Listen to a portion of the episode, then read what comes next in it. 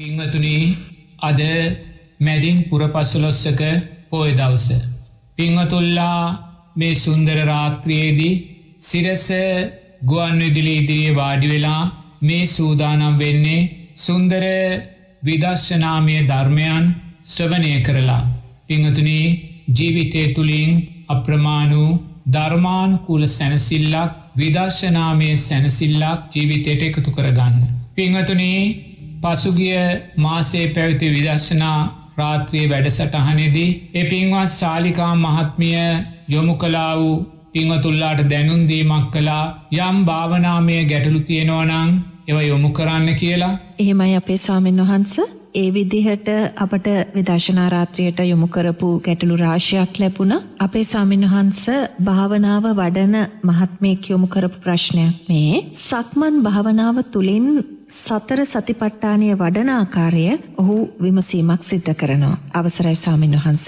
පිංහතුනේ සක්මන් භාවනාව තුළින් සතර සටිපට්ඨාන ධර්මයන් වඩන්නේ කොහොමද කියන කාරණයේදී ඔබ නිරේතුරුවම සක්මන් භාවනාව පුහුණු කරන කෙනෙක් නම් සක්මන් භාවනාව වඩන කෙනෙක් නං නිරේතුරුවම ඔබ පියවරේ ඇතිවීම නැතිවීම දකිමින් ඔබට සක්මන් කරන්න පුළුවන්. පියවර කෙරෙයි හොඳින් සිත පිහිටවාගෙන සක්මන් කරන්න පුළුවන්. ඒ කෙසේ හෝ ඔබ සක්මන් භාවනාවක් සිද්ධ කරලා ඔබ දක්ෂ වෙන්න ඕනේ.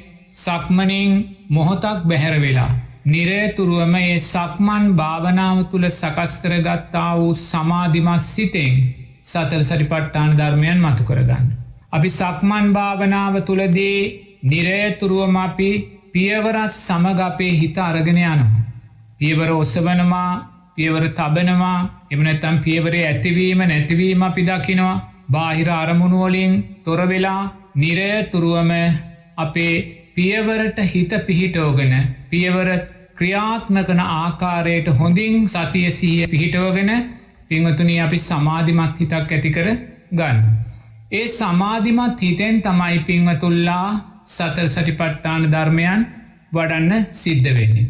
එනිසා ඔබ සක්මන් භාවනාව කරලා අපිකිම විනාඩි දහයක් පෑකාලක් විනාඩි විස්සා එම සක්මන් භාවනාව කරල ඔබේ සිත හොඳින් සමාධිගත වුණාට පස්සේ. ඔබේ සක්මනේම එක කොනක වාඩි වෙලා ඔබට පුළුවන් ඒ සක්මන් භාවනාව තුළින් සමාධිමත් වූ සිත විදර්ශනාමය ධර්මයන් උදෙසා යොමු කරන්න.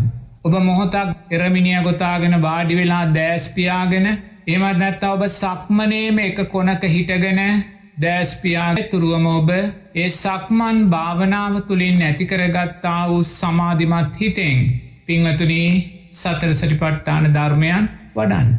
ඔබ සතර සටිපට්ඨාන ධර්මයන් වඩන්න කොයිආකාරයෙන්ද පිංහතුනී නිරේ තුරුවම මේ සක්මන් භාවනාව ඔබ තුළ ක්‍රියාත්මක වුණේ? මේ සක්මන් භාවනාව තුළ සකස් වූ සමාධිය ඔබ තුළින් ක්‍රියාත්මක භාවයට පත් වනේ මේ රූපය ඇසුරු කරගෙනමයි. එනිසා නිරේතුරුවම ඔබ මොහොතක් මේ රූපය කායානු පස්සනාවෙන් දකින්න මේක දෙතිස්කුණුපයක් මේක ඇට සැකිල්ලක් මේ කට්ටික සංඥාවක් මේක මරණානුස්සතියක් මේක නිරේතුරුව අනිත්‍ය වූ ඉරියව් පවත්තනකයක් ඒ ආකාරයෙන් ඔබ කායානු පස්සනාවට අදාළෝ රූපය දකින්න. දැන් ඔබ පියවරට හිත යොමු කරන කාරණයෙන් මිදිලෑ ඔබ සක්මන් භාවනාව තුළින් සමාධිමත් හිතක් ඇති කරගත්තා. දැන්ගේ සමාධිමත් හිතෙනුයි ඔබ සතර සටිපට්ටාන ධර්මයන්ට යමුවෙන්න ඕනේ. එතොට එතකොට ඔබ නිරේතුරුවම කායානු පස්සනාවට අදාලො දැන් ඔබ සක්මනය එක කොනක එක්ක වාඩි වෙලා එම නැත්තං සක්මනේම හිටගෙන දෑස්පියාගෙන ඔබ දැන් නිහැඩව ඒ සම්මා සමාධිමත් හිතෙන් නිරේතුරුවම ඔබ කායානු පස්සනා වඩන්. මේ රූපය දෙතිස් කුණුපයක් ඇටියට මොහොතක් දකින්න. මේ කාට්ටික සංඥාවක් හැටියට දකින්න. ඒ වගේ කායානු පස්සනා වඩනවා වගේම ඔබ නිරේ තුරුව දක්ෂ වෙන්න මේ සක්මන් භාවනාව තුළදී. ඔබ තුළ සකස් වනා වූ සෑම සිතක්ම. ඔබ දැන් පියවරට හිතයොමු කරනවා නැත්තම් පියවරේ ඇතිවීම නැතිවීමට හිතයොමු කරනවා පියවර ඔස්සවනවා තබනවා කියෙන තැන්ට ඔබ හිත යොමු කරනවා මේ සෑම තැනකදිම සකස් වනා වූ සෑම සිතුවිල්ලක්ම අනිත්‍ය වීගියායි කියන කාරණය චිත්තානු පස්සන අවතුලින් මතු කරගන්න. මුලින් කායානු පස්සනාව මතු කරගත්ත දැන් සමාධිමත් හිතෙන් දෙවනු ඔබ චිත්තානු පස්සනාව මතු කරගන්න. ඔබ පියවර තබන මොහොතක් මොහොතක් පාසා සකස් වනා වූ සෑම සිතුවිල්ලක්ම ඔබ චිත්තානු පස්සනාවෙන් අනිත්‍යයි කියලා දකිින්. ඊළඟට ඔබ සක්මන් භාවනාව තුළ සිටිද්දී. ඔබ තුළ ඇතිවුණා වූ සැපවේදනාවක් වෙන්න පුළුවන් දුක්වේදනාවක් වෙන්න පුළුවන් උපේක්ෂාවිඳීමක් වෙන්න පුළුවන් ඔබ නිරේතුරුව පියවරට හිත තබමින් සමාරක් තුළ ඉන්න වෙලාවේ ඔබ තුළ වැඩෙන්නේ උපේක්ෂාසාගත හිතක් එනිසා ඒ උපේක්ෂා සහගත හිතේ අනිත්‍ය භාවය දකින්න. ඔබ තුළ සැපල් විඳීමක් ඇති වුණානං සමහරවිට සක්මන් භාවනාවදී හිත විසිරෙනවා කියන කාරණයේදී දුක්වේදනා ඇතිවෙන්න පුළුවන් ඒවගේම සක්මන් භාවනාව හොඳින් වැඩෙනවා කියන කාරණයේදී සැපවේදනා ඇතිවෙන්න පුළුවන් නමුත් මේ ඇති වුණා වූ සෑම විඳීමක්ම ඔබ වේදනානු පස්සනාවෙන් අනිත්‍යයි කියලා දකිින්. ඒ විඳීම් මමේ කියලා ගන්න එපා ඒ විදිීම් මගේ කියලා ගන්න එපා ඒ විදිීම් මගේ ආත්මය කියලා ගන්න යන්න එපා. ඒ සෑම විඳීමක්ම අනිත්‍ය වී ගියාය කියන කාරණය නුවනි දකින. ඊළඟට නිරේතුරුවම ඔබ සක්මන් භාවනාව තුළ සිටිද්දී. ඔබ තුළ සකස් වනා වූ සම්මා සතිය ඔබ තුළ පෝෂණය වනා වූ සම්මා සමාධිමත් හිත ඔබ තුළ දැන් වැඩෙන්න්න වූ කායානු පස්සනාව වේදනානු පස්සනාව චිත්තානු පස්සනාව මේ සෑම ධර්මතාවයක්ම අනිත්‍ය වී යන ධර්මතාවයන් කියලනුවනින් දකින්න. එතොර ඔබ දම්මානු පස්සනාව තුළ ජීවත්වෙනවා. එතොර බලන්න දැන් ඔබ මුලින් සක්මනටයි යොමුණේ සක්මනේ හොඳින් පියවරට සිහිය යොමු කරගෙන ඔබ සක්මන් කරනවා පියවරේ ඇතිවීම නැතිවීම දකිමින් සක්මන් කරනවා පියවර ඔස්සවනවා තබනවා කියල දකිමින් සක්මන් කරනවා ඒ පියවරට අදාළව සිත අරගෙන ගිහිල්ලා බාහිර සිතුවිලිවලට සිතේ අන්න දෙන්නේ නැතුව ඔබේ සිත පියවර කෙරෙහි බැඳ තබාගෙන ඔබ සම්මා සමාධිමත් හිතක් ඇති කරගත්. නමුත් ඒ සම්මා සමාධිමත් හිත ඇතිකර ගනිද්දී ඔබ සක්මන තුළදීත්. ඔබ තුළ ආර්යෂ්ඨාංගික මාර්ගයේ පරිපූර්ණ වශයෙන් වැඩෙන් ඕන. ඔබ තුළ සම්මා දිට්ටි ආර්ථයන් වැඩෙන් ඕනේ. ඔබ තුළ සම්මා සංකප්පයන්ගේ ආර්ථයන් ඔබ තුළ වැඩෙන් ඕනේ. ඔබ තුළ සීලේ ආර්ථයන් වැඩෙන් ඕනේ. ඔබේ සක්මන් භාවනාව සුන්දර සම්මා වායාමයක් බවට පත්වෙන්න ඕනේ. ඒ නිසාම ඔබ තුළ සම්මා සතිය ඇතිවෙන්න ඕනේ. ඒ නිසාම ඔබ තුළ ඒ සියල්ලෙන්ම පෝෂණය වුණා වූ සම්මා සමාධිය ඇතිවෙන්න ඕන. තියන්න ඔබ සක්මන් භාවනාව කරද්දී. ඔබට තෙරුවන් කරේ සද්ධාව දුර්වලනං ඔබ සංඝයා සාමීන් වහන්සේලා පිළිබඳ විශ්වාසය ඔබට දුර්වලනං ඒමත් නැත්තා ඔබට කර්මය කර්මඵල විශ්වාසය දුර්වලනං ඒමත් නැත්තම් නැවත පටිච්ච සමුපන් උපත පිළිබඳ විශ්වාසයන් දුර්වලනං බසක්මන් භාවනාව කළත් ඔබ තුළ ආරෙෂ්ඨාංගික මාර්ගය වැඩින නැහැ. දොල් සක්මන් භාවනාව කරද්දි ඔබ තුළ යම් බාධාවක් ඔබට සිද්ධ වෙනවනං. හිත විසිරෙනවනං එහම නැත්තම් වෙනයම් කායික මානසික පීඩාවක් බාධාවක් ඇති වෙනවනං ඔබේ බාධාවේ මොහොතේම කර්මය කර්මඵල විශ්වාසයට දෙන්න ඕනේ. මන් සංසාරය කලා වූ අකුසල් සංස්කාරයක විපාකයක් නිසාමයි මේ සක්මන් භාවනාව තුළින් මගේ හිත සමාධිමත් භාවයට පත් නොවන්නේ කියන කාරණය පිළිබඳ විශ්වාසය ඔබට තියෙන්න්න ඕන. එතෝඩේ විශ්වාසය නිසා ඔබ කවදක්වත් හිත විසිරෙනවාය කියලා සක්මන් භාවනාව දුර්වල වෙනවාය කියලා ගැටන හිත් ඇති කරගන්නේ නැහැ. ඔබ ගැටෙනවනං ඒ මොහොතේ ඔබ සම්මාධික්්‍ය අර්ථයන් තුළ නැහැ. ඒවගේ ඔබ තුළ සම්මා සංකප්ප වැඩෙන් ඕනේ. අවිහිංසාාව තියෙන් ඕනේ අව්‍යාපාදය ඔබ තුළ වැඩෙන් ඕනේ. ඔබ සක්මන් කරන මොහොතේ යම් හේතුවක් නිසා ඔබ තුළ කේන්තිය දවේශය සකස් වෙනවනං සක්මන් භාවනාව තුළ සම්මා සංකප්පයන් නැහැ. ඔබ සක්මන් භාවනාව කරන අවස්ථාවේ සක්මන් භාවනාව කරේ ලෝබදේශ මෝහයන් ඔබ ඇති කරගන්නවනන්. ඒ සක්මන් භාවනාව මමය මගේ මගේ ආත්මය කියල ඔබ දකිනවනං. ඒ සක්මන් භාවනාව තුළ සකස් වෙන සමාධිය නිත්‍යයි සැපයි කියල ඔබ දකිනවනං. ඒ මොහොතේ ඔබ තුළ නෙක්කම සංකප්පය නැහැ.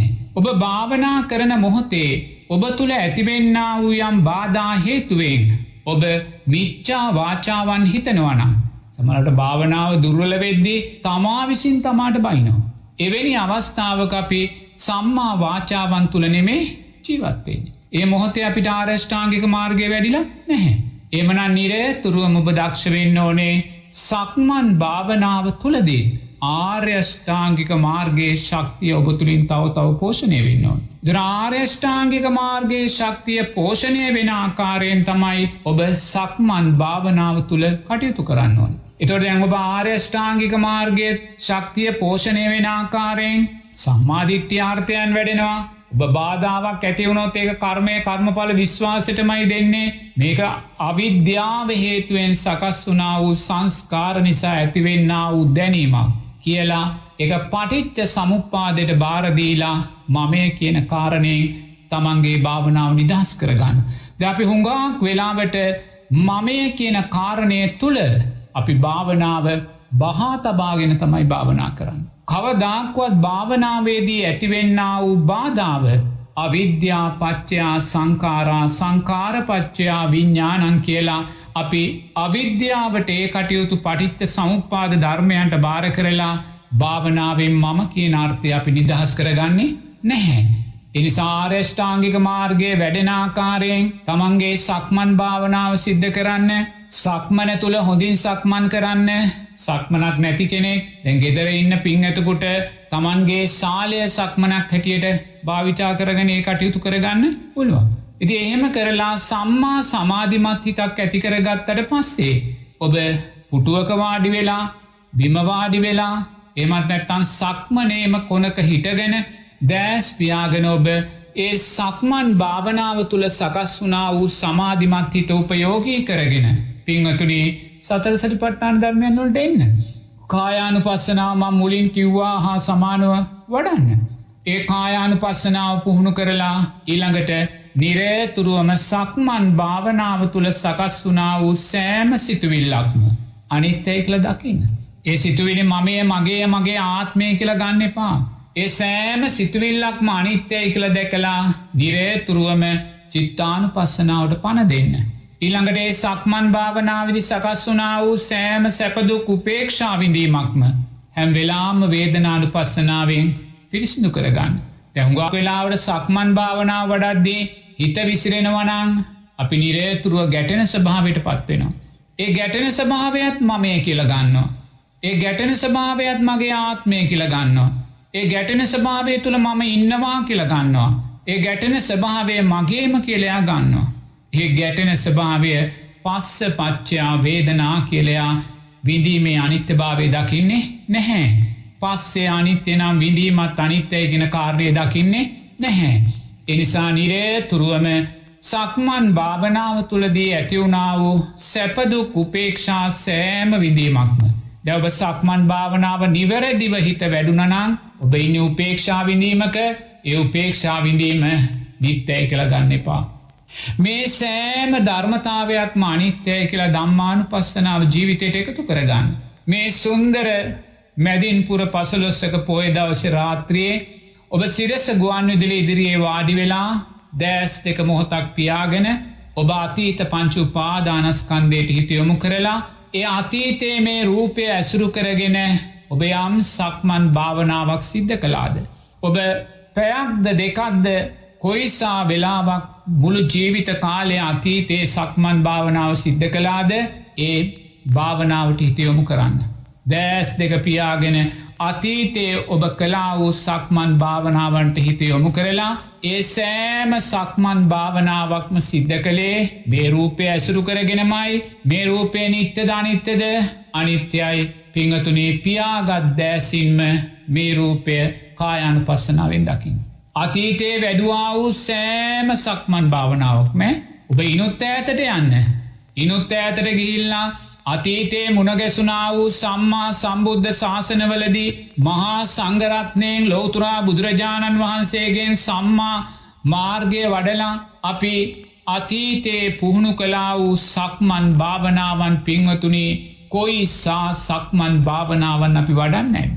ඒ සෑම සක්මන් භාවනාවක්ම සිහිපත් කරලා ඔබ නුවනින් දකින්න ඒ සෑම සක්මන් භාවනාවක්ම මාතුළ වැඩුනේ මේ රූපය ඇසුරු කරගෙන මයි ඒ අතීත රූපයන් ඇසුරු කරගෙනමයි ඒ සෑම රූපයක්ම වෙනස් වෙලා ගියා පිංහතුනේ. අර සුන්දර රූපාවචර අරූපාවචර බ්‍රහ්ම තලවලා පිපදුන වෙලාවේ පිංහතුනි අපි කොයිස්සා සමාධිමත් හිතෙන් සප්ද බොජ්ජංගයෝ වැඩෙන හිතෙන් සක්මන් කරන්න ඇද්ද. නමුත් පිංහතුනි ඒ සක්මන් කළේ ඒ රූපාවිචර රූපයන් නැසුරු කරගෙන මයි. එනිසා නිරේතුරුවම රූපේ අනිත්‍ය භාවය කායානු පස්සනාවෙන් දකින්න. ඒ වගේ මේ අතීතය කලා වූ සියලූම සක්මන් භාවනාවන් නිරේතුරුව මේ සකස් වුනා වූ සෑම සිතුවිල්ලක් මුබානිත්‍යය කියලා දකින්න. ඒ සක්මන් භාවනාව කරන වෙලාවෙ සකස් වනා වූ සෑම සැපදුක් උපේක්ෂා විදීම්ම සිහිපත් කරලා ඒ වේදනානු පස්සනාවෙන් ඒ සියල්ල විනිවිධ දකින්න. ඒ වගේම සක්මන් භාවනාව තුළ සකස් වනා වූ සෑම ධර්මතාවයක්ම පිංහතුනී මේ උතුම් ධර්මතාවයන් අපිට කියල දුන ලෝතුරා බුදුරජාණන් වහන්සේමයි. අපි මේ උතුම් මාර්ගය මතුකරගත්තේ චතුරාර් සත් ධර්මයන් තුළින්මයි. අපි තුළ මේ වැඩෙන්නේ උතුම් මාර්යෂ්ඨාංගික මාර්ගයමයි සම්මා සමාධිමත් හිතමයි. ඒ වගේම පිංහතුනේ මේ භාවනාව තුළින් සක්මන් භාවනාව තුළින් දැන්මා තුළ වැඩෙන්නේ කායානු පස්සනාව වේදනානු පස්සනාව චිත්තානු පස්සනාවමයි මේ සෑම ධර්මතාවයක් මානිත්‍යයෝ ධර්මතාවයන් මයි පිංහතුනි. අතීතයේ සාරිපුත්ත මවෝත්තම ආනන් වහන්සේ කොයිසා සක්මන් භාවනාවන් පුහුණු කලාද ඒ සක්මන් භාවනාවන් පුහුණු කලා වූේ රූපය පිරිනිවන් මංචකේ අලු ගොඩක් ධාතුන් වහන්සේලා ගොඩක් බවට පත්වනා පිංහතුනිි. ඒ සක්මන් භාවනාව තුළින් සකස් වනා වූ වේදනානු පස්සනාව චිත්තානු පස්සනාව දම්මානු පස්සනාව ඒ සෑම ධර්මතාවයක්ම උන්වහන්සේලා පිරිනිවී යන මොහොතේ අනිත්‍ය භාවට එනිසා ඔබ නිරේ තුරුව දක්ෂ වෙන්න සක්මන් භාවනාව පුහුණු කරලා සම්මා සමාධිමත් හිතක් ඇතිකරගෙන ඒ සම්මා සමාධිමත් හිතෙන් ඔබ සතල් සරි පට්ටාන ධර්මයන් වඩන්. ඒ සතර සරිපට්ඨාන ධර්මයන් වැඩුවාට පස්සේ පිංහතුනි නිරේතුරුම්ඹ කවදක්වත් ඒ සක්මන් භාවනාව මමය මගේ මගේ ආත්මය කිලොබගන්නේ නැහැ. ඒ සක්මන් භාවනාව තුළ මම ඉන්නවායි කියල දකින්න ඒ භාවනාව මගේ කියලොබ දකින්නේ නැහැ. ඔබ නිරේතුරුව මේ සක්මන් භාවනාව තුළින් පිංහතුනේ සතර සටිපට්ඨාන ධර්මයන් මතු කරගෙන උතුම් විදර්ශනාත්මක ධර්මයන් ජීවිතයට එකතු කරගන දක්ෂ පත්වෙනවා. ඉන් පස්සේ ඔබට පුළුවන් සතර සරිපට්ඨාන ධර්මයන් ඒ ආකාරයෙන් පුහුණු වෙලා ඔබට අවශ්‍යනම් පුළුවන් අට්ටික සංඥාව හිතේ ඇති කරගෙන ඒ අට්ටික සංඥාවෙන් සක්මන් කරන්න. ඇට සැකිල්ලක් හැටියට රූපය දකිමින් සක්මන් කරන්න. මේ රූපයේ දෙතිස් කුණුපයක් හැටියට දකිමින් සක්මනේ සක්මන් කරන්න. මේ රූපයේ සතර මහාධාතුවක් හැටියට දකිමින් සක්මන් කරන්න. මේ රූපය අනිත්‍ය වූ ඉරි අවපාත්වන කයක් හැටියට දකිමින් සක්මන් කරන්න. මේක මල කඳක් කරලා දකිමින් ඔබ සක්මනය සක්මන් කරන්න. එම සක්මන් කරදි සකස් වෙන්න වූ සෑම සිතුවිල්ලක්ම චිත්තානු පස්සනාවෙන් දකින්න. ඔබ සක්මන් කරදි සකස් වෙන සෑම සැපදුක් උපේක්ෂා විදීමක්ම වේදනානු පස්සනාවෙන් දකින්න. ඔබ තුළ වැඩෙන්න්න වූ මේ සෑම ධර්මතාවයක්ම දම්මානු පස්සනාවෙන් ඔබ දකින්න. ගෞරවනය සාමීන් වහන්ස භාවනාවට හිඳගත් සැනින් යම් කිසි ආකාරයකින් ශබ්දයක් ඇසුණු විට ඒ ශබ්දය කෙරෙහි නැවත නැවතත් සිත ඇදී යන ස්වභාවයක්. පරිසරයේ ශබ්ද වලටම සිත යොමුවන ස්වභාවයක් මොහු සඳහන් කරනවා. ඒත් එක්කම විශාල කලකිරීමක් සිතේ ඇති වෙනවා කියලා තමයි සඳහන් කර තිබෙන්නේ. අපේ ස්වාමීන් වහන්සේ භාවනාවෙන් සිත සමාධිමත් කරගන්නට බැරිවන අවස්ථාවේදී ඇතිවන මේ කලකිරීම සම්බන්ධයෙන් ඔබහන්සේ අපට පෙන්වා දෙන මාර්ගය නැත්තන් ධර්මානුකූල මඟ පෙන්වීම කුමක්ද සමෙන් වහන්ස. පිංහතුනේ භාවනා කරන විට සිතත් සිත වෙනත් අරමුණු. එකන වෙනත් අරමුණු කියන ශබ්ද කරා හිත යනවායි කියන කාරණයයි කියන්න. එතර පිංහතුනේ අපි භාවනාවක් සිද්ධ කරද්දේ අපි මුලින්ම කිව්වා ආර්යෂ්ඨාංගික මාර්ගය තුළ කටයුතු කරලා ඒ ශක්තිය ජීවිතයට එකතු කරගෙන සම්මා සමාධිමත් හිතක් ඇතිකරගෙන තමයි අපි භාවනාවට යොමුුවන්නේ. පංචනීවරණ යටපත් කරගෙන තමයි අපි සප්ත බොජ්ජංගය මතු කරගන්න. ඉති මෙවැනි අවස්ථාවක දැන් ඔබ හිතන්න ඔබ එරමිනිිය ගොතාගෙන සුදුසුවාකාරයෙන් වාඩි වෙලා ඔබ භාවනා කරනවා. එතොට ඔබ භාවනා කරද්දී යම් අරමුණක් කමටානක් තුන්න ඔබ භාවනා කරන්න. එතර ඔබ බුද්ධානුස්සතිය වඩනවා කියලා. ඔබ දම්මානුස්සතිය සංගානුස්සතිය වඩනවා කියලා හිතන්න. ඒමනැත්තං ඔබ කායානු පස්සනාව වඩනවා කියලා හිතන්න. නමුත් එහෙම ඒ භාවනාවන්නේ කමටහනන් වඩද්දි ඔබට යම් ශබ්දයක් ඇසෙනවනම්. ඔබ ඇසුනා කියන තැන නවතින්න. ඇයි ඔබේ සත්‍යය මමේ මගේ මගේ ආත්මය කියලා හිතාගනේ සබ්දය පස්සිදුවන්නේ. ත ශබ්දය කියන තැන පස්සය ළඟදිම ඔබ ඇසුනා කියන තැන නවතින්න. නමුද ඔබ මොකක්ද මේ කරලා තියෙන්නේ පස්සේ නිසා විදීම් ඇති කරගන්න. පස්ස පච්චයා වේදෙනවා.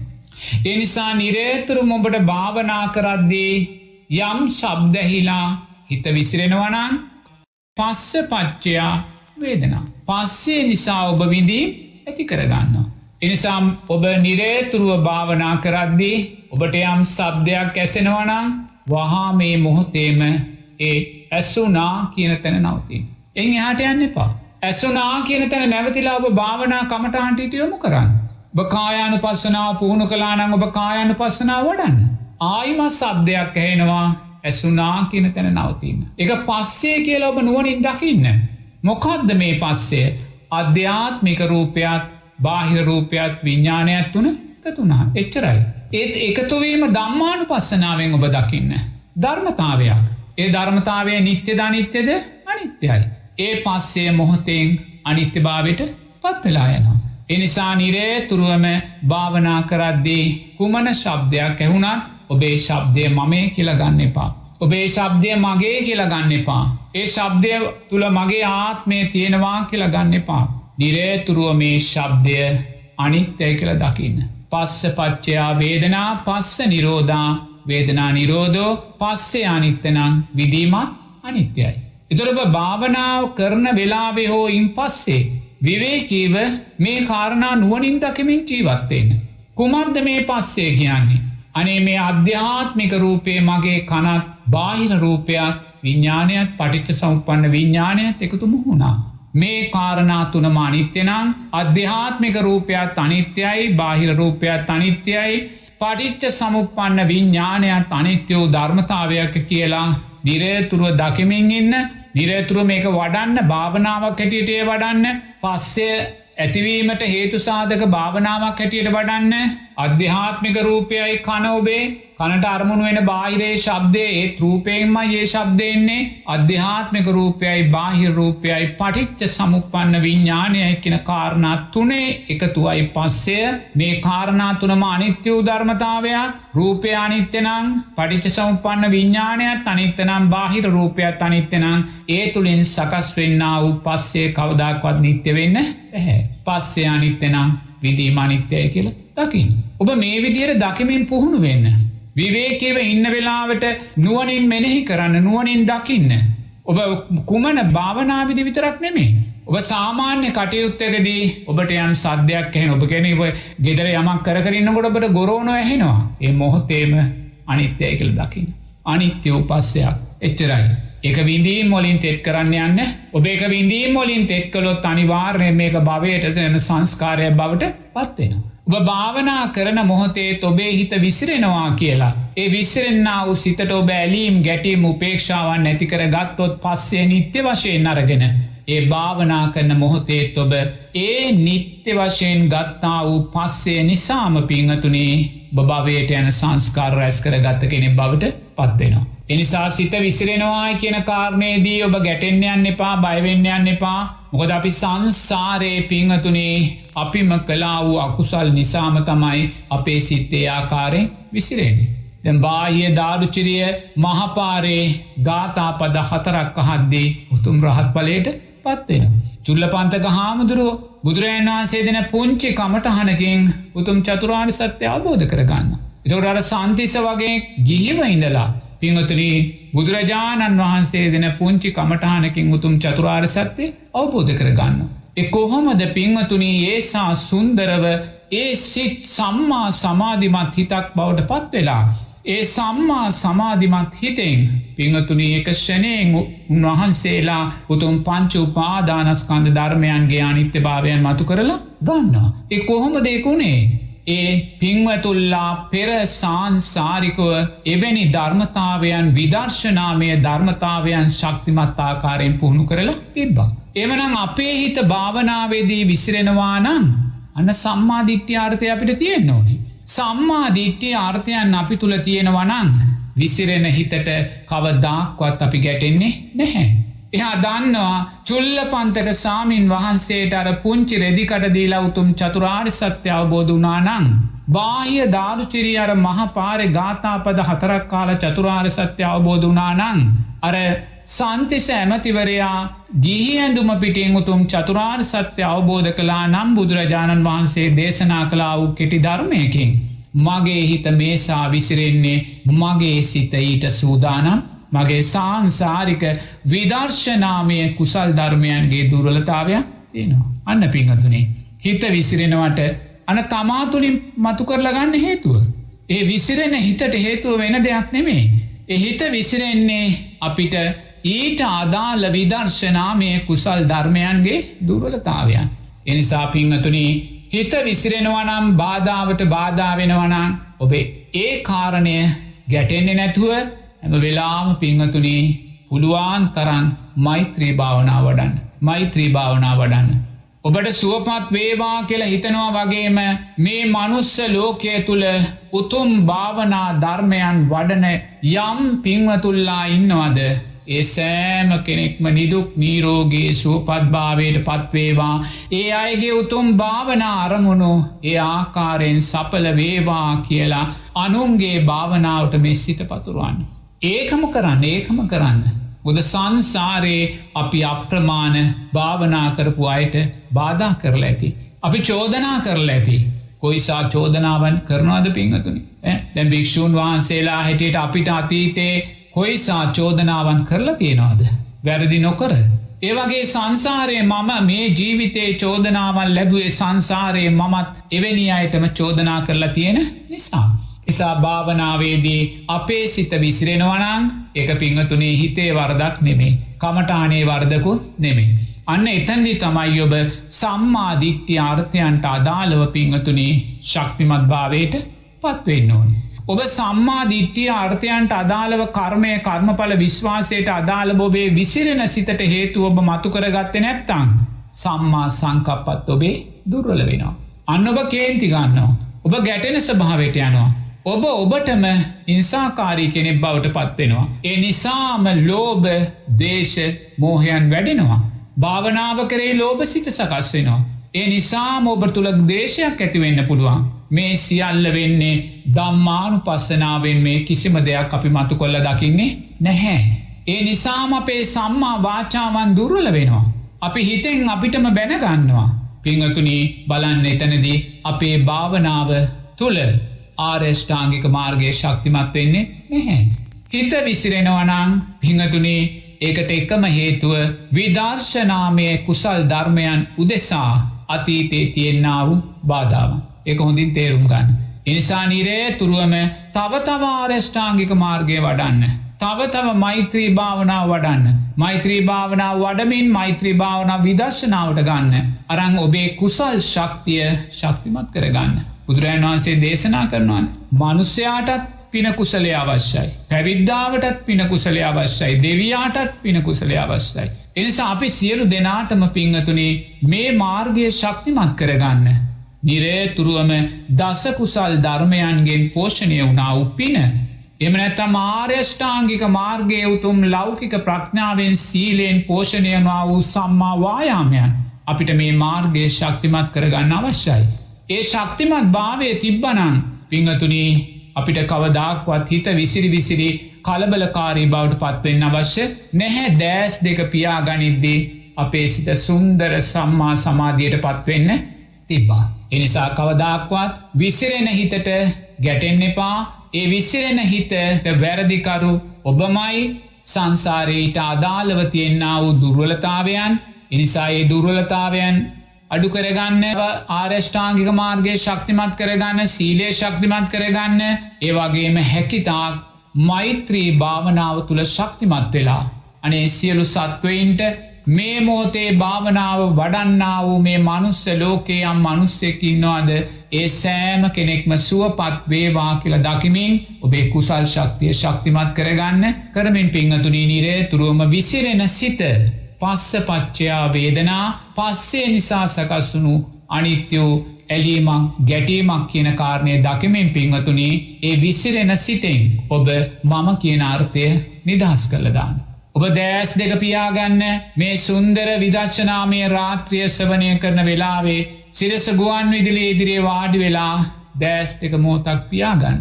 දෑස් දෙක පියාගන පිංහතුනේ ඔබ හිතන්න නුවනින් දකින්න මේ ජීවිත කාලය පුරාවට ඔබ භාවනා කරන්න වාඩි වුණා වූයේ සෑම අවස්ථාවක්ම සීයට නගාගන්න එරමිනිිය ගොතාගෙන වෙන්න පුළුවන් පුටුවක වාඩි වෙලා වෙන්න පුළුවන් ඔබේ සයනයේ දිගෑදිලා වෙන්න පුළුවන්. අතීතේ භාවනා කරන්න ඔබ වාඩි වුණා වූයේ සෑම අවස්ථාවක්ම සීපත් කරලා ඔබ නුවනින් දකින්න පිංහතුනේ ඒ සෑම භාවනාවක්ම මම් වැඩුවේ මේ රූපය ඇසුරු කරගෙන මයි අන බලන අතීත භාවනාවන් ඔක්කොම් මතු කොල්ල දකින්න. අතීත පංචුපාදානස්කන්දය මතු කොල්ල දකින්න.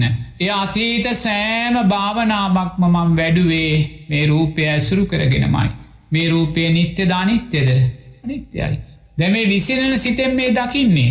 දැම් භාවනා කරන්න ගයා හිත විසිරෙනවා පිහතුනේ දකිනවා මේ හිත විසිරෙන්නේ කාගෙවත් වරදින්න මේ මගේම සංසාරික අකුසල් ධර්මයන්ගේ විදර්ශනාත්මක ධර්තාවයන්ගේ දුර්වලභාවයන් නිසා එනිසා මම මේ දුර්වලතාවය තුළින්ම මම ජයග්‍රහණය මතු කරගන්නවා කියන වීර ඇති කරගන්නවයා. වීරය දැන් තමන් දකිදි දෙයනේ මගේ මේ සිත විසිරෙන්නේ මගේම සංසාරික විදර්ශනාමය කුසල් ධර්මයන්ගේ අඩුවෙන් කියලා මොකක්දයා තුළ වැඩෙන්නේ. ධම්ම විජය බොජ්ජන්ගේ ධර්මයට අදාළවයා හිතනවා.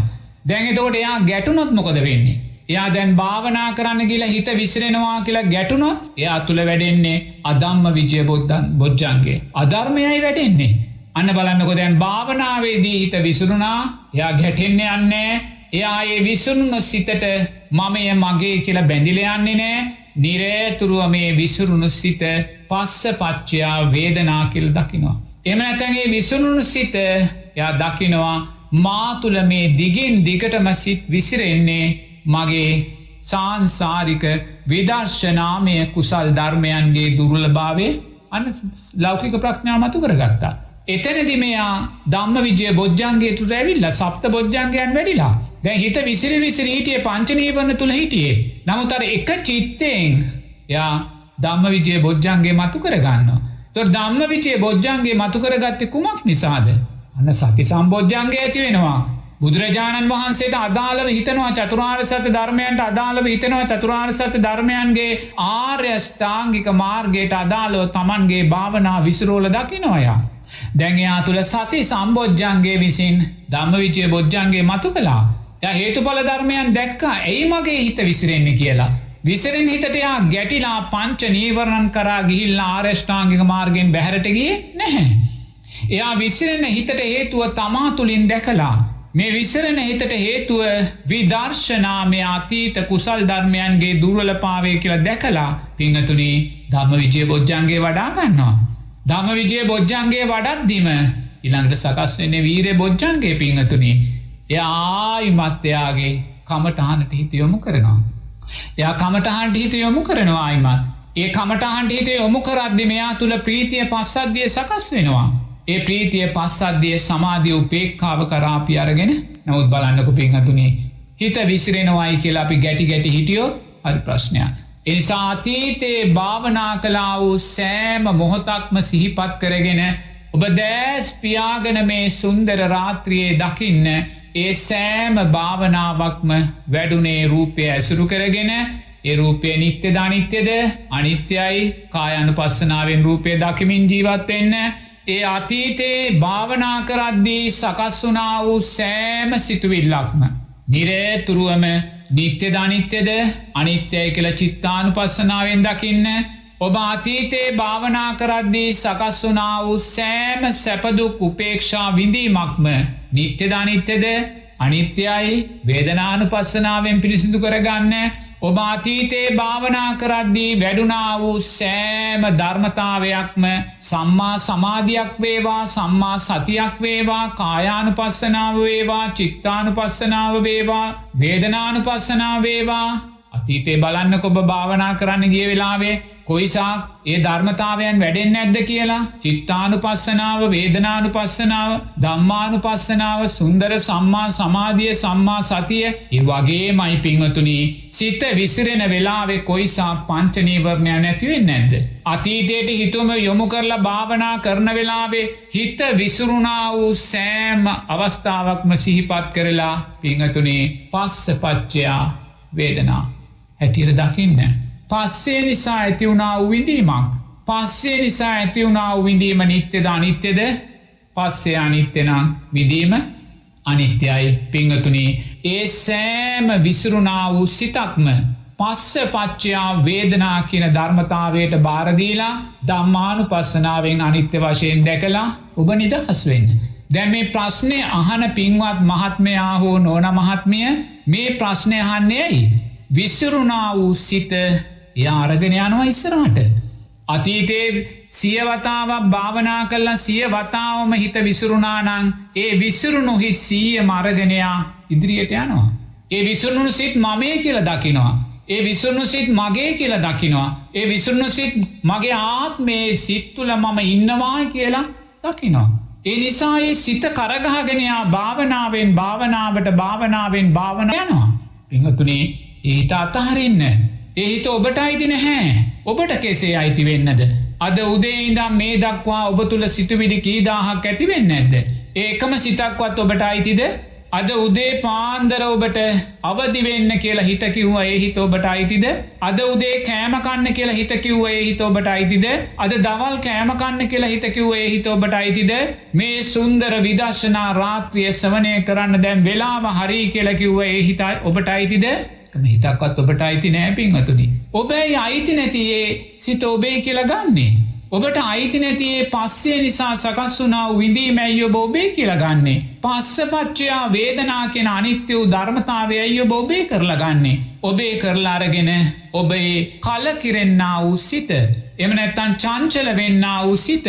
විසිරෙන්න්න වූ සිත පිංහතුනී බභාවනාවෙන් භාවනාවට භාවනාවෙන් භාවනාවට අරගෙන යනවා. එහෙම භාවනාවෙන් භාවනාවට අරගෙන ගිහිල්ලා මරනා සන්න මොහොතේ අන්න ඔබ කරනදේ භාවනාවට හිත යොමු කරන්න හැදෙනවා. නමුත් ඒ වෙලාවෙත් ඔබේ හිත විසිරෙනවා. දැ මර්නාසන්න මොහොත පෙනි පෙනි තියෙන බුද්ධානුස්සිතිය වඩන්න ගන්නවා ගන්න මෝතේම හිත විසිරිලායනවා. පිංහතුයි බලන්න අර විසරුණු සිත මමය මගේ මගේ ආත්මය කියලා අරගෙන ඒ විසරුණු සිත දම්මානු පස්සනාවෙන් පිරිසිදු කරලා දාන්නේ නැතුව ඒක පටිච්ච සමුප්පාද ධර්මයන්ට බාර දෙන්නේ නැතුව එක අවිද්‍යාවෙන් පෝෂණය කරලා අපි ඉස්සරහට අරන්ගිහිල්ලා මාසන්න මොහොතේ හිත විසිරී විසිරීමට පත්වෙලා පිංහතුනි ආයිමත් අපි දුකට වැටිනම්.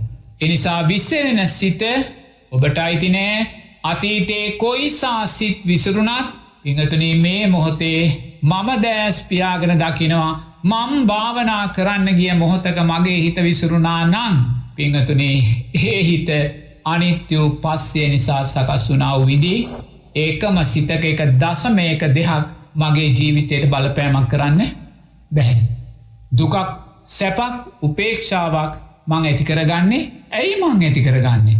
ඒ හිත මමද ඒ හිත මගේද ඒ හිත මගේ ආත්මේද ඒ හිත තුළ මම හිටියද මා තුළේ හිත තිබුණද පිංහතුනී පටිච්ච සෞපාදය තුළේ හිත විසරුවන්නේ. පස්සපච්චයා වේදනාව ඕකටයි භාවනාව කියන්නේ. අපි භාවනාව තුළින් පින්වතුනී අපි පංච උපාදානස්කන්දය අනිත්‍ය භාවය මතු කරගන්න අවසානදී. එනිසා විසිරෙන සිතට ආසිරිවාදයක් පින්හතුනි. විසිරෙන සිත ඔබට ආසිරිවාදයක්ේ විසිරෙන සිතෝ භාරෂ්ඨාංගික මාර්ගය තුළ විසිරෙව්වනම්. එතනින් ඔබ දම්ම විජය බොජ්ජන්ගේ මතු කරගන්න කර්මය කර්මඵල විශ්වාසය තමා තුළින් මතු කරගෙන. එනිසා මොනම හේතුවක් නිසාවත් විසිරෙන හිතට මමය මගේ මගේ ආත්මය කියල ගන්න එපා විසිරෙන සිත ඔබට ආසිරිවාදයක් ඔබට ආසිරිවාදය ලැබෙන්නේ විසිරෙන සිත පිංවතුනී හැම වෙලාම චිත්තානු පස්සනාවෙන් වේදනානු පස්සනාවෙන් ධන්මානු පස්සනාවෙන් දකින්න. මේ විසිරෙන සිත සකස් වනේ රූපය ඇසුරෙන් මයි කියලා රූපය කායානු පස්සනාවෙන් දකින්න. කොහෙන් ගියත් ඔබට කමටහනක් ගන්න පුළුවන් පිංහතුනේ. එනිසා ඒසා සුන්දර කමටහන් තියෙද්දී විසිරෙන සිතට බයවෙන්න පාපිංහතුනි. මොනම හේතුවක් නිසාවත් මේ මොහොතේත් විසිරෙන සිතක් නිසා ගැටෙන සිතක් ඔබ තුළ තියෙනවනන් කරුණා කරලා චිත්තානු පස්සනාවේ ඒ ගැට්න සිත ගලවලදාන්න. දම්මානු පස්සනාවෙන් ඒ ගැටන සිත පිරිසිදු කරලා දාලා නිරේ තුරුවම පිංහතුනි ගැටෙන සිත තුළින් මම හිස් කරන්න. අන්න ඒක තමයි ඒ ප්‍රශ්නයට දෙන්න තියෙන පිළිතුර. අපේ ස්වාමින්වහන්ස මේ ප්‍රශ්නය යොමු කරන්නේ භාවනාවට වාඩිවී ටික වෙලාවකින් ඔහුගේ සිත සමාධිමත් කන බවයි. එවගේම ඒ භාවනාවෙන් නික්මිලා තවත් අවස්ථාවක භාවනාවට වාඩි වන්නට සිතන සැනින් ඔහුට ඔහුගේ සමාධිමත් සිත තුළින් ඒ ඔහු විඳින සුකය පිළිබඳ කැමැත්තක් ඇතිවන බව තමයි කියන්නේ. ඉතින් මේ සමාධිමත් සුවයට සුකයට ඇතිවන කැමැත්ත පිළිබඳ ප්‍රශ්නයක් ඔහු තුළ තියෙනවා මේ නැති කරගන්නේ කොහොමද කියන එකයි ස්වාමින්වහන්ස විමසන්නේ. පිංහතුනී භාවනාවේදී සමාධිමත් වූ සිතක් ඇති වූ පසු. හොඳට මේක බලන්න ඕනේ දරුවගේ ප්‍රශ්නය එකයි. භාවනාවේදී සමාධිමත් වූ සිතක් ඇති වුණාට පස්සේ. දර මේ සමාධිමත් වූ සිතක් කියල ඒ දරුවා කියන්නේ සම්මා සමාධිමත් හිතක්. එතොරේ සම්මා සමාධිමත් හිතක් ඇතිවුණාට පස්සේ ඒ මහත්මයා කියනවා සැපයක් ඇතිවෙනවා කියලා. ඒ සැපේට ඇලෙනවා කියලා. එතවට සම්මා සමාධිමත් හිතක් හිත සමාධිමත් වෙද්දි පංචනීවරණය යටපත් වෙද්දී යම් සැපයක් ඇතිවෙනවනන් සුකයක් ඇතිවෙනවනන් ඒ කියන්න ඒක සප්ත බොජ්ජන්ගයක්. සප්ත බොජ්ජංග ධර්මයන්ගේ ප්‍රීතිය පස්සද්ධිය කියලා බුදුරජන් වහන්සේ දේශනා කරන්න මෙන්න මේ සැපේට. මොකද ප්‍රශ්නය තියෙන හිත සමාධිමත් වනාට පස්සෙයි මේ සැපේ ඇතිවෙන්නේ. එතොට හිත සමාධිමත්නං පංචනීවරණය අටපත් වනානං ඒ පංචනීවරණය අටපත්වීම තුළ සති සම්බෝජ්ජන්ගේ ධම්ම විජය වීර බෝජ්ජන්ගේ වැඩුනනම් අන්න ප්‍රීතිය පස්සද්ධිය ඇති වුණා. එකන මේ ප්‍රශ්නය අහන සැපය ඇති වුණා. ද එහෙම සැපේ ඇතිවුණාට පස්සේ. මේ දරුවා නැවත කියනවා ඒ සැපයට ආසහිතෙනවා කියලේ සැපේ නැවත නැවත ප්‍රාවා කියලා. ඇතිවෙන්න වූ සැපය ප්‍රීතිය සැපය. ඔබ නැවත නැවත ප්‍රාර්ථනා කිරීම නෙමේ කළ යුත්තේ. ඔබේ ප්‍රීතිය සැපේ ඔබ දක්ෂ වෙන්න ඕනේ සමාධිය උපේක්කාවක් බවට පත් කරගන්න. අන තේරුම් ගන්න. තිෙන්න දැ ඔබ කියන ඔබේ හිත සමාධිමත් වනා කියලා. ඒ සමාධිමත් වූ සිතතුනින් ඔබ සැපයක් සුකයක් ලබනවා කියලා. ඔබ ඊළඟටගෙන ඒ සැපයමන් නැවත නැවත ප්‍රාර්ථනා කරනවා කියලා. එකෙන් අදහස් වෙන්නේ ඔබ තුළ සම්මා සමාධිමත් හිතක් තියෙනවා. ඒ සුන්දර පංචනීවන්නේ යටපත් වූ සිත නිසාම ඔබ තුළ ප්‍රීතිය පස්සද්ධියත් ඇති වෙනවා. ඔය කියෙන සැපේකයි නමුත් ඔබ ප්‍රීතිය පස්සද්ධියට බැඳිලා ඔබ මොකොද කරන්නේ සමාධියත් උපේක්ෂාවත් ඔබ අහිමි කරගන්න. හොදට දේරුම් ගන්න ඕනේ. එනිසා සමාධිමත් හිත තුළින් ඔබ තුළ වැඩෙන්න්න වූේ සැපය ඒ ප්‍රීතිය ඒ පස්සද්ධිය ඒ සංසිදුනා වූ සිත පිංහතුනි නිරේතුරුවම ඔබ මමය මගේ කියල ගන්න එපා. එක වේදනානු පස්සනාවෙන් අනිත්‍යය කියල දකින්න. ඒ සැපවේදනාව නිත්‍යවූ විඳීමක් නෙමේ. ඔබ අතීතයේ මේ මොහොතේ දෑස් දෙක පියාගෙන අතීතයට හිත යොමු කරලා ඔබ භාවනා කලා වූ සෑම අවස්ථාවකම ඔබ තුළ යම් සැපවේදනාවක් ඇති වුණානං. ඔය ප්‍රීතිය පස්සද්ධිය සුකය කියන ඔය කාරණා ඇති වුණානං ඒ කාරණා නිත්‍යද අනිත්‍යද පිංහතුනේ අනිත්‍ය ධර්මතාවයන්. නමුත් ඔබේ අනිත්‍ය වූ ධර්මතාවයන් නැවත නැවත ප්‍රාර්ථනා කරනවා. ඒ සැපේ නැවත නැවත ජීවිතයට බලාපොරොත්තුනේ සැපය බලාපොරොත්තුවෙන්ම ඔබ භාවනාවට වාඩිවෙන්. එන ඔබ කොතන්ද මේ නැවතිලා තියෙන්නේ. සති සම්බෝජ්ජන්ගේ දම්ම විජය බොජ්ජන්ගේ වඩාගෙන ඒ තුළින් වීරය බොජ්ජන්ගේත් ඇතිකරගෙන බ ප්‍රීතිය පස්සද්ධියට ඇලිලා ඔබනත් එතන ඔබ නවාතැන් අරංගින්නවා පින්වතුනි. ඒ නිසා ඔබ නිරේතුරුවම ප්‍රීතිය පස්සද්ධියට ඇලිල ජීවත්වෙන මොහොතක් පාසා. ඔබ සංස්කාර රැස් කරමින් සිටින්නේ. භවයට අදාළ සංස්කාරයන් ඔබ රැස් කරනොයි මොහොතේ. තියෙන සැපේට අදාළ සංස්කාරයන්. නමුත් ඔබ දක්ෂ වෙන්න ඒ ප්‍රීතිය පස්සද්ධිය නිරේතුරුව පිංහතුනි නිත්‍ය වශයෙන් ගන්නයන්න එපා. ඒ ප්‍රීතිය පස්සද්ධිය වේදනානු පස්සනාවෙන් අනිත්‍ය වශයෙන් දකින්න වේදනානු පස්සනාවෙන් අනිත්‍ය වශයෙන් දකින තැන සමාධි සම්බෝජ්ජන්ගය උපේක්කා බොජ්ජන්ගේ කරා ඔබ අරගෙන යන. එනිස ඔබ ප්‍රීතියට පස්සද්දියට බැඳෙන්නේ පයි ප්‍රීතිය පස්සද්ධිය ඇතිවෙන මොහොතේම ඒ ප්‍රීසිය පස්සද්ධිය ඇති වුණේ කුමක් ඇසුරු කරගෙනද රූපය ඇසුරු කරගෙන. ඔබ රූපය කායනු පස්සනාවෙන් දකින්න. අයිමතේ ප්‍රීතියට ඇලියලින්න යන්න ඕන්නේ. ඒ ඇතිවෙන ප්‍රීතිය තුළින් කුමක් හෝ විදර්ශනාමය ධර්මයක් ඇති කරගන්න ආස්වාදයට යන්න එපා. ඔබ මේ ප්‍රීතියේ සැපේ ආස්වාදයට ඔබ ගිහිල්ලතිනේ නිසාම ඔබේ සිත චංචල භාවයට ආයිමත් පත්වෙනවා කවදාකත් ශක්තිමත් සමාධියකට නැවත ගිහිල්ල උපේක්ෂා ධර්මයන්ට යන්නේ නැහැ. එනිසා නිරේ තුරුවම ඔබ දක්ෂ වෙන්නේ ප්‍රීතිය පස්සද්ධිය කයන් පස්සනා මතු කරගන්න. ඒ මොහොතේම. ඒ ප්‍රීතිය පස්සද්ධිය සකස් වෙන සිත යටපත් කරගෙන අනේ මේ ප්‍රීතිය පස්සද්ධිය සකස් වනේ රූපය ඇසුරු කරගෙනමයි මේ රූපය නිත්‍යද අනිත්‍යද අනිත්‍යයි කායන් පස්සනාවෙන් දකින්න පිංහතුනි. බලන්නකො සුන්දර ධර්මතාවයන්නේ. අතන ප්‍රීතියට පස්සද්ධියට ඇලිලා ඒ අනිත්‍ය වූ ධර්මතාවයන්ට බැඳිල ජීවත් වෙලා සංස්කාර රැස් කරලා භාවනාවම භවයට හේතුවක් ජාතිජරාව්‍යාදි මරණයට හේතුවක් බවට පත්කරගන්න නැතුව ඔබේ සකස් වෙන සැපය පිංහතුනි නැවතත් සතල් සරිපට්ටාන ධර්මයන් තුළට යොමු කළ බලන්න. බලද්දී පිංහතුනි ඔබ නැවත කවදක්වත් ඒ සැපයට ඇලෙන්නේ නැහැ. ඔබ දන්නවා දෙයනේ මේ සකස් වෙන්න වූ සැපය මේ ඇට සැකිල්ලක් තුළින් ලබන සැපයක් මයි. මේ ලබන්නා වූ සැපය දෙතිස් කුණුපයක් තුළින් ලබන්නා වූ සැපයක් මයි. මේ ලබන්නා වූ සැපය සතර මහා ධාතුවක් තුළින් ලබන්නා වූ සැපයක් මයි. මේ ලබන්නා වූ සැපය මරණානුස්සතියක් අනිත්‍ය වූ ඉරියව් කයක් තුළින් ලබන්නා වූ සැපේ පිඟතුනී එනම් කවදාක්වත් ඔබේ සැපේට බැඳෙන්නේ ඔබේ සැපේට බැඳුනේ ඔබ නිකංවත් නුවනින් දැක්කෙ නෑ මේ සැපය මාතුළ මතුවනේ අනේ මේ අනිත්‍ය වූ ඉරියව් පවත්තන කයකින් අනිත්‍ය වූ දෙතිස් කුණුපයකින් සතර මහා ධාතුවකින් අට්ටික සංඥාවකින් කියලා ඔබ දකින්නේ එනිසා කලබල වෙන්න ඇතුව පිංහතුනි නිරේතුරුවම ඔබ භාවනාවේදී ප්‍රීතිය පස්සද්ධිය කියන කාරණය නෙමේ අපි බලාපොරොත්තුවෙන්. එක භාවනාවේදී අපිට මුණගහින මාර්ග තැනම්. වීරය බොජ්ජන්ගේ ප්‍රීති පස්සද්දී ඒ සප්ත බොජ්ජන්ගයන්ගේ වැඩීගෙන යන මාර්ගය. ඒක භාවනාව අපි තුළ වැඩෙනවායි කියලා අපි ලබන්නා උත්සාහතිකය. නමුත් අපි එතන නවා තැන් ගන්න එපා. ඒ තැන අපි හිරවෙලා ඉන්න එපා. නිරේ තුරුවම ඔබ ඒ ධර්මතාවයෝ ප්‍රීතිය පස්සද්ධිය පිංහතුනි නැවත සතර සටිපට්ඨානය තුළට මතු කරගෙන පිංහතුනේ සුන්දර සමාධිය උපේක්කාව විදර්ශනාමය ධර්මයන් ඔබ තුළින් වඩාගන්න ඔබ දක්ෂ වෙන්න ඕනේ. අපේ ස්වාමින්වහන්ස මේ ප්‍රශ්නයෙන් යොමු කරන්නේ ඔහුත් භාවනාව වඩන කෙනෙක් මේ ලිපිය ලියන පොත්කලයා එවගේම භාවනාවට වාඩි වූ සැනින් සිත සමාධිමත් වන බව ඔහු පවසනවා. ඒවගේම ටික වෙලාවක් යද්දී ඒකාකාරී බවක් කම්මැලි සහගත ස්වභාවයක් සිතට දැනෙන බව සඳහන් කරනවා. මෙයින් මිදෙන්න කුමක්ත කළ යුත්තේ කියලා ස්වාමින්හන්ස පැහැදිලි කරගන්නට බලාපොරොත්තුවෙන් තමයි ඔහු මෙම ලිපිය ලියන්නේ. අපේ ස්වාමින්හන්ස අවසරයි පිංහතුනේ භාවනාවට වාඩිවී ටික වේලාවක් යන විට සිත සමාධිමත් වෙනවා. එකන භාවනා කරමින් ඉන්නකොට සිත සමාධිමත් වෙනවා. ආයිමත් ටික වේලාවක් යනකොට ඒකාකාරී බවක් ඇති වෙනවා.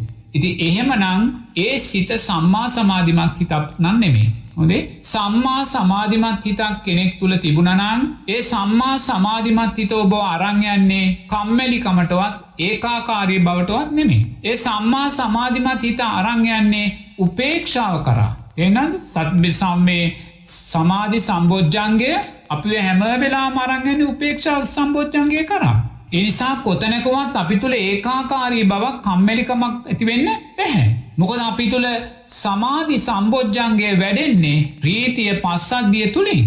එතොර ප්‍රීති සම්බෝජ්ජන්ගය පස්සාධි සම්බෝජ්ජන්ගේ වැඩිලායි සුන්දර සම්මා සමාධිමත් සම්බෝජ්ජන්ගේ තවතව ශක්තිමත්වෙන්නේ. එනයිති සමාධයක් වැඩුණ හිතක ඒ කාකාරී බවක් කම්මැලිකමක් ඇතිවෙනවායි කියෙන කාරණය ධර්මානකූල නැහැමුකද සමාධයට ඉදිරියේ ප්‍රීතිය පස්සද්ධිය තියෙනවා. දොර ප්‍රීතිය පස්සද්ධිය තුළ ඉඳගෙනයියා සමාධිය මතු කරලා ගන්න ප්‍රීතිය පස්සද්ධිය මමේ මගේ කියල ප්‍රීතියට බැඳෙන් නැතුව. එනම් ප්‍රීතිය පස්සද්ධිය තුළින් ඔබ සමාධියට ගියානන් ඒ සමාධිමත්හිත ඒකාකාරී වෙනවායි කෙන කාරණය ධර්මානකූල නැහැ. ඒ සමාධිමත්හිත කම්මැලි භාවයට පත්වෙනවායි කෙන කාරණය ධර්මානකූල නැහැ. එනිසා නිරේ තුරුවම ඔබ තුළ සමාධිමත් වෙනවා නම් ඒ සමාධිමත් හිත නිසා ඔබ ඒකාකාරී බවක් ඒම නැත්තං ගැටෙන හිතක් කම්මැලි හිතක් කරා යනවනං ඔබේ සමාධිමත් හිත සම්මා සමාධිමත් හිතක් වෙන්න නම් බැහැ. එනිසා ඔබ නිරේ තුරුවම දක්ෂ වෙන්න කලබලකාරී වෙන්න නැතුව. දැන් කලබල වුණාට පස්සේ අපි ආරෂ්ඨාංගික මාර්ගයට හිටියොමු කරන්නේ. සම්මාධිට්්‍ය ආර්ථයන්ට සම්මා සංකප්‍ය ආර්ථයන්ට සීලේ ආර්ථයන්ට අපි හිතයමු කරන්නේ. සම්මා වායාමයන් අත්‍යවශ්‍ය දෙයක්. භාවනා කරන කෙනෙකුට සම්මා වායාමයන් අත්‍යවශ්‍ය දෙයක්.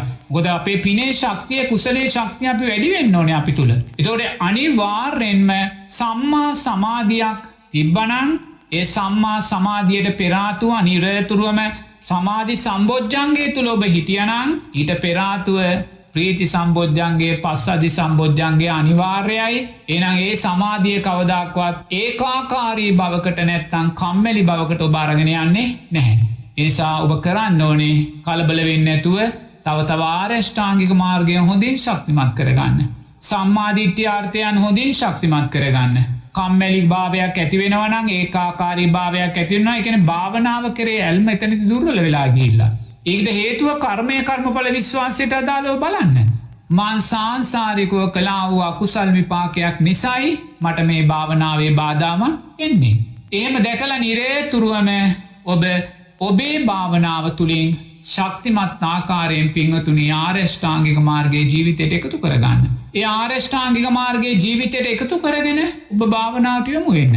එම භාවනාවට යොමුවෙද්දී අන්න භාවනාව තුළින් ප්‍රීතිය පස්සද්ධිය සකස් කරලදේ ඒ ප්‍රීතිය පස්සද්ධිය සකස්වීම තුළේ ඔබ තුළ සමාධි සම්බෝජ්ජන්ගේ සකස් කරලදේ ඒ සමාධි සම්බෝජ්ජන්ගෙන් ඔබට පුළුවන් උපේක්ෂා බොජ්ජන්ගේ ඇතිකරගන්න සුන්දර සතර සටි පට්ටාන් ධර්මයන් ජීවිතයට එකතු කර ගෙන. එතවට ඒ විදිහට තමයි ඒ ප්‍රශ්නයට පිංහතුනි උත්තර දෙන්න වෙන්න මොකද එම නැතුව ඔබ සම්මා සමාධිමත්හිතක් ඇති කර ගත්තනන් තුළින් ඔබ භාවනාවට යොමු වෙලා පිංහතුනි ඔබ සති සම්බෝජ්ජන්ගේ දම්ම විජය බොජ්ජන්ගේ වීරය බොජ්ජන්ගේ ඔබ තුළ තිබ්බනන් ප්‍රීතිය පස්සද්ධිය එතන තියෙනවා ප්‍රීතිය පස්සද්ධිය තිබ්බ තැන සමාධි සම්බෝජ්ජන්ගේ සකස් වනානං කම්මැලිකමක් කියන කාරණය එතනට අදාළ නෑ පිංහතුනි. එනිසා ඔබ තුළ කම්මැලිකම ඇතිවෙන්නේ ඔබ තුළ සති සම්බෝජ්ජන්ගේ ධම්ම විජය බෝජ්ජන්ගේ දුරල්දභාවයන් නිසා. එනිසා ඔබ තවතව ආර්යෂ්ඨාංගික මාර්ගයේ ශක්තිමත් කරගෙන නිරේ තුරුවම කම්මැලිකම සකස් වෙනවනන් ඒවගේම ඒ කාරිකාරී බවක් සකස් වෙනවනන් දිරේ තුරුවම ඒ සකස් වෙන්න වූ සිත් චිත්තාන පස්සනාවෙන් හෝදල දාන පිංහතුනි. කම්මැලි බවක් සකස් වෙනවන නිරේතුර මේ කම්මැලිකම මමේ මගේ කියලගන්න එපා. ඒකාකාරී බවක් සකස් වෙනවනන් ඒකාකාරී බව මමේ මගේ කියලගන්න එපා. ඒ කම්මැලිකම ඒකාකාරී බව සකස් වනේ රූපය ඇසුරු කරගෙනයි රූපය නිත්‍ය ධනිත්‍යද අනිත්‍යයි රූපය කායනු පස්සනාවෙන් දකින්න. ඇයි ඔබ ඒකාකාරී බව පස්සෙ දුවන්නේ. ඇයි ඔබ කම්මැලිකම පස්සෙ දුවන්නේ. ඔබට අතීතයේ ඔබේ ජීවිතය අතීතයේ යම් කම්මැලි සිතුවිල්ලක් සකස් වනානං ඒකම කම්මැලිකමක්වත් ඔබට අයිතිද අයිතිද ඔබට ඔබේ ජීවිතයේ අතීතයේ ඒකාකාරී බව කී දාහක් කී අවස්ථාවක් ඔබට දැනිල ඇද්ද ඒකම ඒකාකාරී බවක්වත් ඔබට දැන් අයිතිද අනිත්‍ය වූ පස්සේ නිසා සකස් වූ අනිත්‍ය වූ විඳීමක්. ඇයි අනිත්‍යදය ඔබ ගන්නේ.